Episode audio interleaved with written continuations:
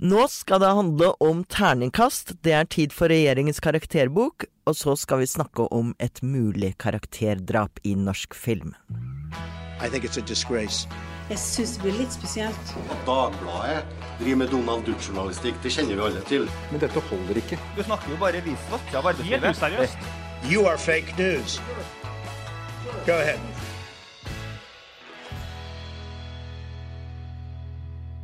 Du hører på Siste med Marie Simonsen, og med meg i eh, studio har jeg to av de som er ansvarlig for eh, karakterboken til regjeringen.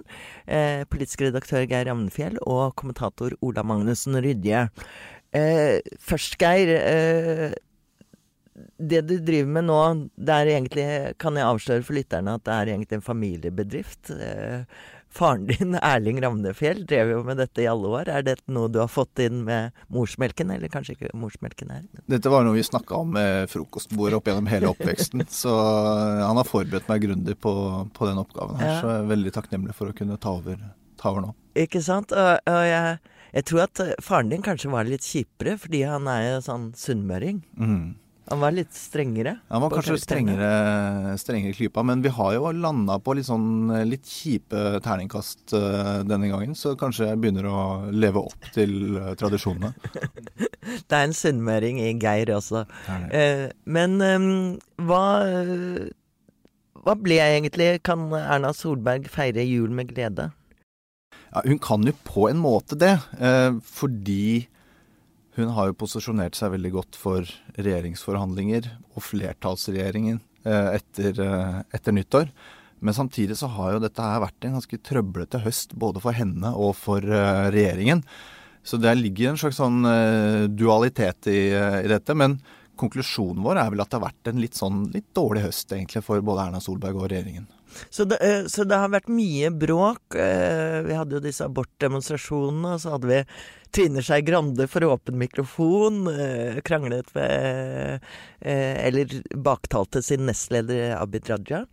Eh, og så har vi også hatt litt frem og tilbake om dette FNs migrasjonspakt, hvor, hvor Frp-erne er ganske opphisset. Men alt dette er det litt sånn stille før stormen, til og med. Det er jo neste første halvdel neste år at det kan virkelig bli en historisk vår.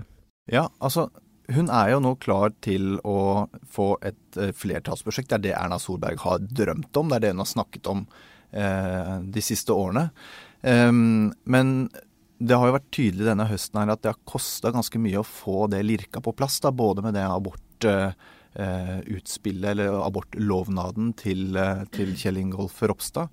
Uh, og den var ganske sleip. Den var jo nettopp det. Jeg, jeg, var litt sånn overrasket over at Erna Solberg var så frekk, eh, tok den finta der. Men da ser du kanskje hvor mye som står på spill, da.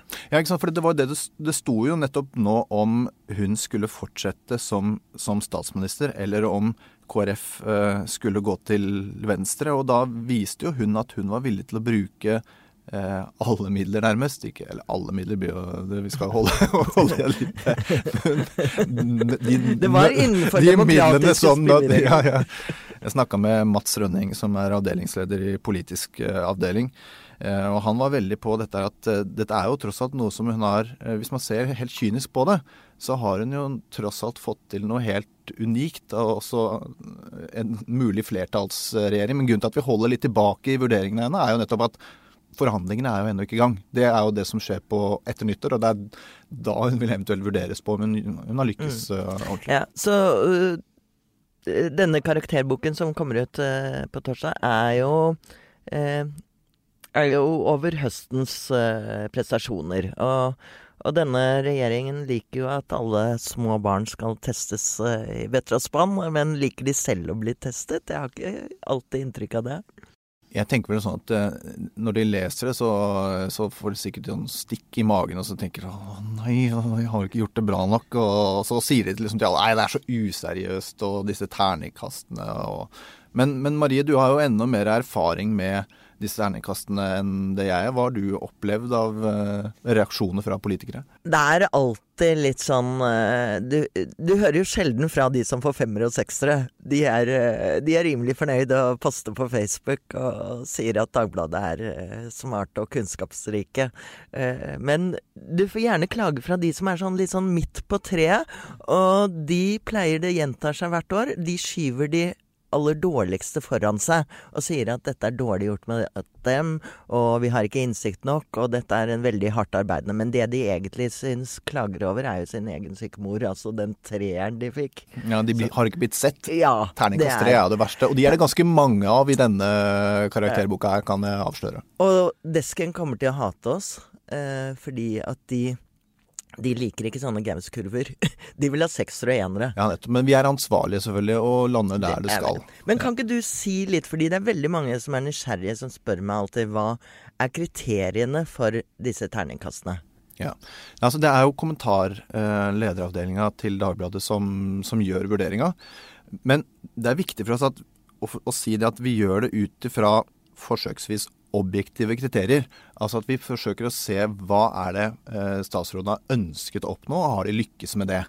Og så ligger det selvfølgelig et, sånt, et sånt eh, et subjektivt grunnlag. Da. Altså, vi er jo kommentatorer som gjør våre vurderinger, men vi forsøker å gjøre det ut ifra hva vi mener at statsrådene selv ønsker. Så vi kunne gitt liksom, en terningkast fem til en innvandringsminister som hadde lykkes med å begrense innvandring, hvis de ønsket det. Så det er jo ikke liksom, Dagbladets uh, redaksjonelle linje som skal begrense, begrense det. Men noe av kritikken vi ofte får uh, mot de terningene, er at uh, jeg tror folk syns at vi bedømmer litt på synlighet. Altså synlige statsråder blir belønna med en god karakter, mens usynlige statsråder blir blir straffa for det. Men hvordan kan vi liksom vite hva en veldig dyktig fagstatsråd som jobber godt i departementet, som uh, driver frem viktige saker, hvordan, uh, hvordan, har vi innsikt i det? Vi driver jo research ikke bare underveis, men også spesielt for denne karakterboka, og ringer rundt. det hender vi også ringer opposisjonen og spør hva de syns. men det slo meg egentlig da vi satt og laget uh, denne uh, høstens karakterbok, at uh, mange Det er mange ganske anonyme statsråder, egentlig. og det har ikke vært ensbetydende med dårlige karakterer i år. Fordi vi har f.eks. Anniken Hauglie, som er en ganske tilbakeholden statsråd, og hun får terningkast fem. Så, så det er ikke ensbetydende med anonym og dårlig karakter. Men f.eks. Freiberg jeg var sånn dette er kanskje flaut å si. Du må nesten si uh, hva, han, hva, han, gjør, han gjør for noe. Ja, det er det. Altså, hvem er dette Han kan, hvem er dette mennesket? Han, han kan bli et sånt quiz-spørsmål ja. som, uh, som, alle står fast på. Det Hvis noen skal lage julequiz, så anbefaler vi å spørre hvem er olje- og energiminister ja. i Norge. Ikke sant, ikke sant. Så han har jo åpenbart ikke vært så veldig synlig. Men du, Geir, du som er så opptatt av klima og sånn, du gir ikke han automatisk terningkast én? Nei, altså han må jo få lov til å gjøre, gjøre jobben sin. Eh, det handler jo om i hvilken grad de lykkes med den politikken de ønsker å, ønsker å få til. Når det gjelder Kjell, Kjell, Kjell, Børge Freiberg, som er det fulle navnet til olje- og energiministeren, så har jo han vært veldig anonym. Han har vært påfallende stille. Men samtidig, vi skriver også i vår vurdering at det kan jo også i hans tilfelle, eller i dette departementets tilfelle være en styrke, fordi forgjengeren hans var veldig polariserende og skapte uro i et, et eh, politikkområde som, som jo er veldig omdiskutert, og som ikke nødvendigvis trenger mer polarisering. Det er ikke sikkert at norsk oljebransje vil ha en oljeminister som skaper liksom steilere fronter. Så det også, hører også med i vurderingen. Men jeg må jo si det, altså, Ola, når du stiller dette spørsmålet om, om, om vi, vi, vurderer bare ut fra synlighet Nei, Det er jo sånne som deg, da, Ola, som eh, ringer rundt og gjør grundige undersøkelser, sånn som du har gjort i denne, i denne sammenhengen. Så jeg syns jo det er veldig gøy å lage denne, denne karakterboka, fordi det er også en anledning for, eh, for kommentaravdelingen for avisa Dagbladet og gjøre en grundig gjennomgang og se tilbake på den politiske høsten. Og det er også meningen eh, og sånn grunnlaget for og hensikten med hele lista er jo også å gi leserne en sånn huskelapp. Ok, hva er det som faktisk har skjedd, da? Og i hvert fall jeg har hatt stor glede av å lese de, selv om det var faren min som var med og laget de. Og, og håper at uh, lytterne og leserne gleder seg over det. Jeg kaller det jukselapp, rett og slett. Uh, så alle kan lese opp, og så kan de gå inn i julen og diskutere og late som de vet hva oljeministeren driver med. Men uh, du får avsløre, da. Er Har du regnet ut snittet i år, eller? Jeg har regna ut snittet. Det er på 3,15. Jeg er veldig lei meg for at det ikke ble 3,14. For det hadde vært pi.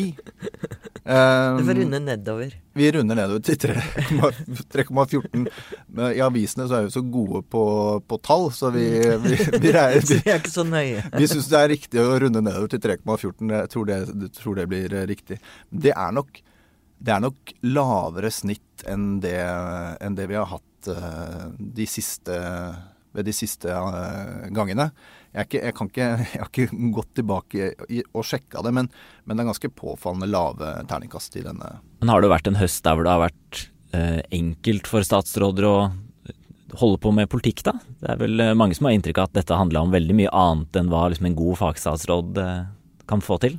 Ja, og jeg kan, og jeg kan jo faktisk avsløre at det var lenge sånn at vi var usikre på har vi egentlig grunnlag nok for å lage en vurdering denne høsten, fordi det har skjedd så mye, eller det har vært så mye annet det har vært oppmerksomhet rundt. Eh, og særlig da KrF eh, eh, og abortstriden, som nærmest satte mye av politikken på pause fordi det var så mye som hang på hvilken retning politikken tok, da. Og hvem som skulle sitte ved makten.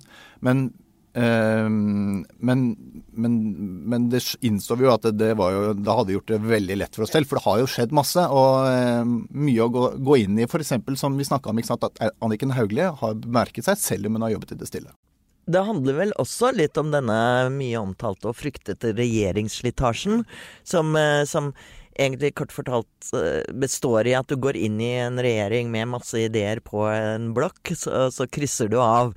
Eh, og så kommer du til den fryktede andre perioden, som jo alle selvfølgelig er glad for at de fortsetter i regjering, men da har de kanskje ikke noen nye prosjekter på gang og futten går litt ut av den. Det er jo noe av det vi trekker eh, Bent Høie for, f.eks. i denne. At han uh, også nå omtales av folk rundt han som, eh, og i sektoren som vanligvis er veldig imponert og mener at han har vært en av de beste helseministrene landet har hatt, som nå mener at det er litt idétørke. Altså det er ikke de gamle løsningene som de stilte til valg på det som var de store prosjektene, løser ikke lenger mm. de problemene som uh, sykehusene har nå, f.eks. Så her må de, de må nok sette i gang en moderniseringsprosess hvis de skal holde dette gående i noen år til uten problemer. Få inn Sylvi Listhaug der, så blir det nok ny fart i helsepolitikken. Hun har flere ting på blokka. Hun har flere ting på blokka, det er helt sikkert. Eh, men apropos Bent Høie, eh, kan være litt sånn Nytt på nytt og, si hvem må ut? For hvis eh, KrF skal inn i regjering, så må nødvendigvis noen ut. Ja, Bent Høie skal jo ut. Han blir jo fylkesmann ja. i 2021. Det, og det er jo også noe som, som, han trekkes for, selvfølgelig, for at han er omtales nesten litt som en lame duck. At han mangler legitimitet nå fordi han er på vei ut. Men, eh, men han, det kan jo være mulighet. Han har gått ut og avvist det selv, da. Men eh, hvilke andre kan vi tenke oss? Altså jeg tenker kanskje Linda Hofstad Helleland, som får en svak karakter hos oss, kan være en som eh, byttes ut. Eh, også fordi hun sitter i et departement som KrF sikkert gjerne vil ha. Mm. Likestilling, eh, barne, Barnedepartementet. Ja. ja. og hun er jo en, hun er jo en statsråd som har uh, nytt veldig stor tillit hos uh, Erna Solberg. Litt uh, mm. uklart for oss, i hvert fall ut ifra de vurderingene som vi har gitt da, av henne i de, ulike, i de ulike postene hun har hatt. Så hun sitter nok helt klart utsatt til. Um, og så er det selvfølgelig Nikolai Astrup som sitter som bistandsminister, som er jo da Der har jo også ting nesten stanset opp, for KrF har jo sagt at de vil snu på reformpolitikken som han har satt i gang og sånn. Så, så den, uh, den, Han sitter, eller i hvert fall den posisjonen er uh, utsatt. Det kan hende mm. at han flyttes inn i et annet departement. og så har vel også eh, Det er vel også sagt at han Kjell Børge Freiberg, stakkar, som, som vi har snakket om så mye nå. Nå vet jo i hvert fall folk hvem han er. Ja, det er det vi Alle gjør som har hørt på det. Ja, ja. Eh, at han også kan sitte utrygt. Men det er ikke nødvendigvis fordi KrF vil inn og ha det, men fordi også Høyre er interessert i den statsrådposten. Men, men Frp er liksom sånn Nei, vi gir ikke fra oss noen, har de sagt. Det er beskjeden de gir ut. Men åpenbart må de også gi fra seg noen. Eh, Er det noen eh, Frp-kandidater som kanskje moden for utskifting? Altså, den som hun kanskje kan fjerne helt, er jo denne eldre eldreministeren. Ja, denne eldreministeren, skal vi avsløre hva hun heter også? Hun heter Ja. Åse Michaelsen. Apropos anonyme ministre. Altså Det har jo vært en pussig pussig, eh, ministerpost hele tiden siden hun ble, ble utnevnt. Eh, Hun altså, hun har vel ikke gjort seg bemerket omtrent i noen sammenhenger.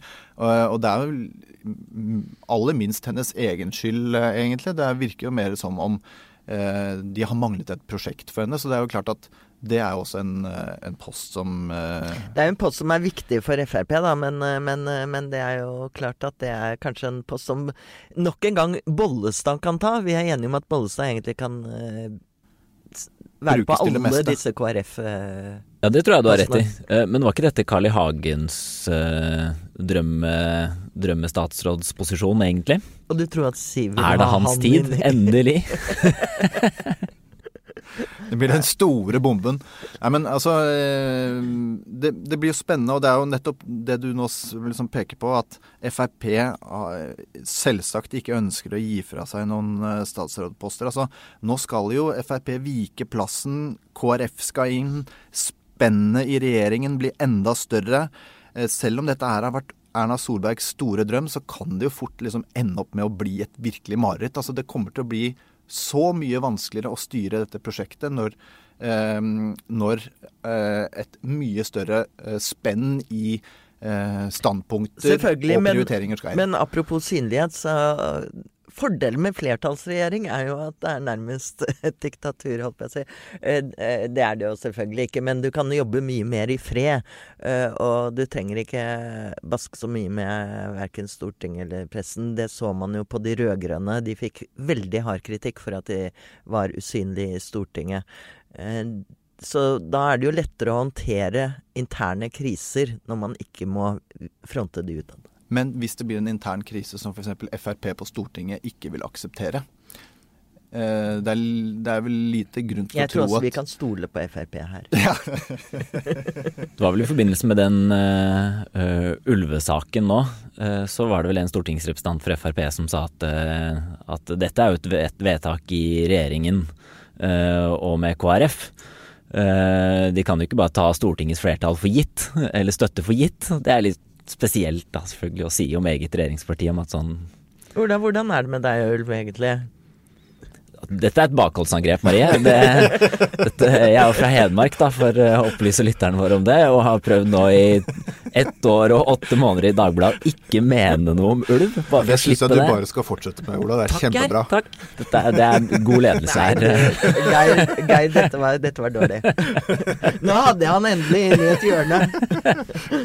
Men, men uh, Geir, til slutt. Hvor stor blir Erna Solberg hvis hun eh, får til dette her, flertallsregjering, i, eh, og sitter nå i sin andre periode som statsminister? Blir hun større enn Ole Gunnar Solskjær?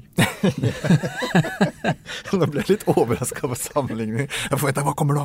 Nei, ja, da blir hun større enn Ole Gunnar Solskjær. Det er helt riktig. Hun blir mer berømt i både Manchester og, og andre områder. Nei, men altså, hun, hun går jo inn da i historien eh, som eh, Hun har jo allerede passert eh, Willoch i antall år som eh, Høyre-statsminister. Eh, og nå, da begynner hun liksom å snuse på, på hvis, hvis hun klarer å håndtere dette nye prosjektet, da, på eh, Jens Stoltenberg sin eh, lengde som, eh, som statsminister. Og så hun, hun, hun begynner helt klart å bli en sånn slags sånn landsmoder, eh, landsmoderskikkelse. Men, Men aldri så stor som Gro. Takk skal dere ha. Så får vi se til neste år hva resultatet blir.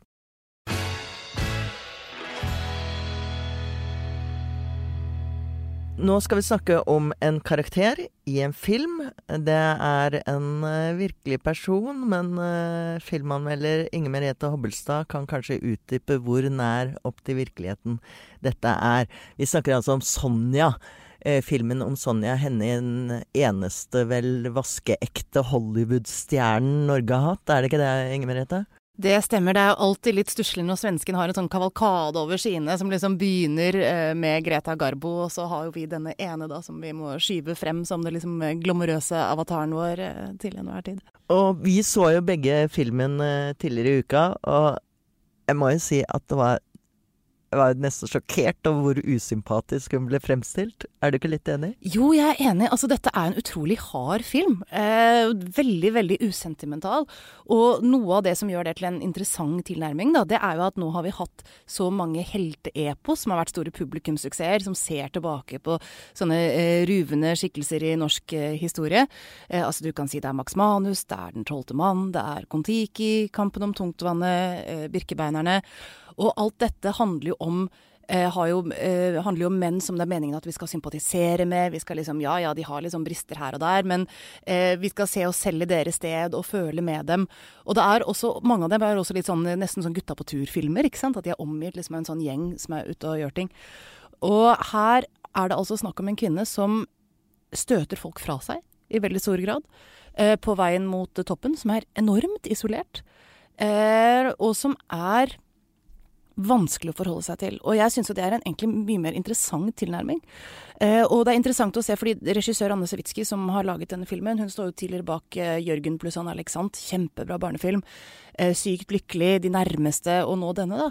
Og i veldig mange av de filmene så handler det nettopp om eh, kvinner som i, på en måte ikke helt er i balanse med relasjonene sine. Da. Du ser de er litt over, overtente. Litt overivrige, litt for intense. Eh, de tar liksom ikke rommet innover seg. Du, du, må jo bli litt imponert over henne også. Jeg tenker hun marsjerer inn på kontoret i en scene til Daryl Zanuck, eh, den store, store eh, film filmregissøren eller filmprodusenten og sier at 'jeg vil ha fire filmer', kontrakt på fire filmer. Og da var han relativt Ja, hun var jo kjent som OL-gullmedaljør og sånn, men, men, ikke som i filmens verden.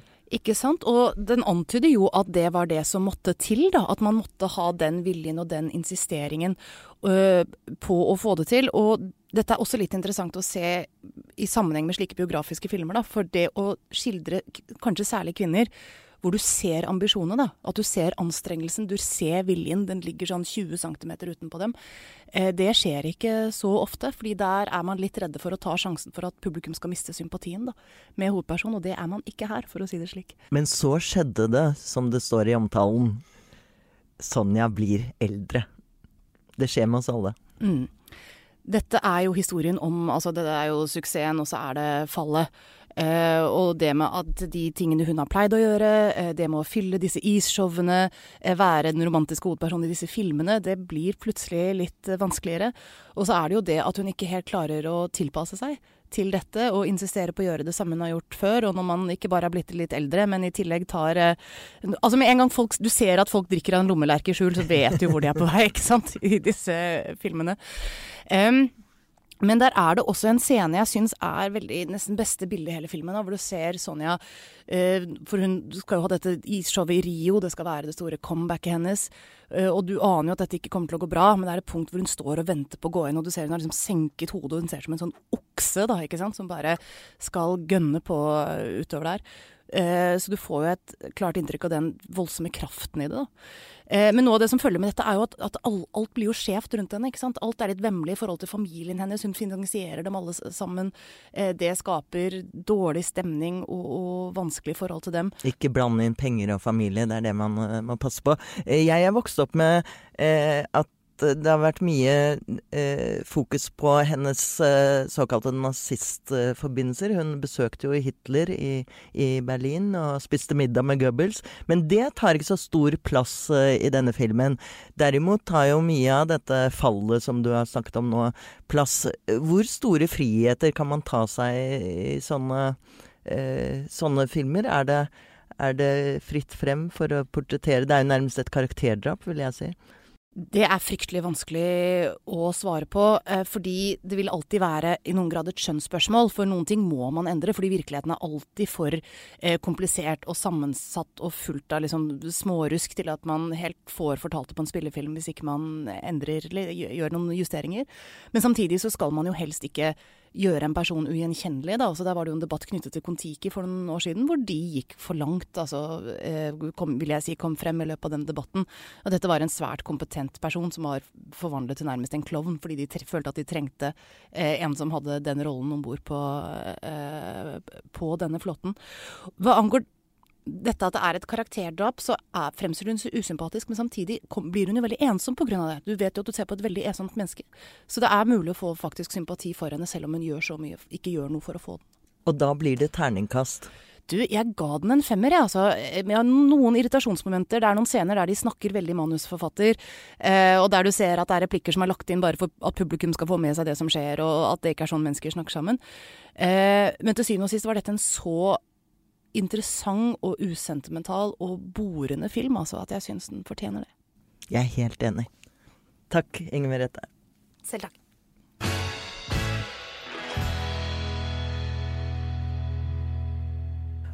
Ola, du har jobbet i Dagbladet en stund, eh, og vi har mast på deg veldig lenge for at du skal avsløre alle hemmelighetene til juletreselgerne, fordi at du kommer rett og slett fra en juletreselgerfamilie. Det stemmer. Eh, bestefaren min og bestemoren min og moren min og onkelen min og søskenbarna mine eh, har eh, solgt juletrær i mange, mange år. Begynte med bestefaren min tidlig på, på 50-tallet en gang. Eh, og har da solgt juletrær eh, i alle år da i Oslo. Først på Majorstua, så i Sofienbergparken i over 50 år. Men dere hugget trærne selv, eller var det Ja, mange av de. Ja. Eh, også import fra både inn- og utland. Eh. Så det var noen dansker også? Ja da, masse flotte ja. danske grantrær spesielt. Eh.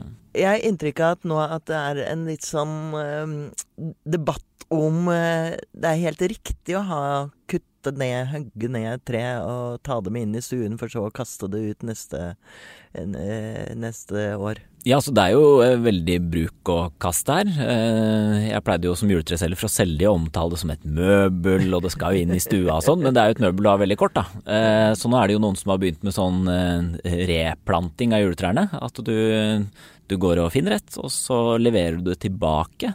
Når du, Men da må du, du ha det i potte, da. Da har du det i en potte. Ja. Så pottetrær er egentlig ok? Jeg syns det er veldig fint. Altså for min del hadde jo, da hadde jeg jo vært returstasjon over nyttår også, så da hadde jeg jo fått en jobb eh, ikke bare ja, ja. før jul, men også etter. Jeg har faktisk eh, pottetre i år, og eh, da de som solgte meg det, sa liksom at ja, da kan du bare plante det ute i hagen, men jeg begynner jeg er litt usikker på den ideen der, om jeg skal ha en liten eh, granskog ute i hagen min. Så stor er den tross alt ikke. Men, men plasttrær, da? Altså, det er, er det, jo per definisjon ikke et tre, så nei. da er den debatten uh, herved avgjort. Plasttrær blir aldri ok. Helt riktig. Du har hørt på siste med Marie Simonsen, og hvis du vil se disse terningene våre, så kan du gå inn på dagbladet.no eller på Facebook-siden Siste med Marie Simonsen. God jul. God jul. Glemte jeg å si god jul? Ja.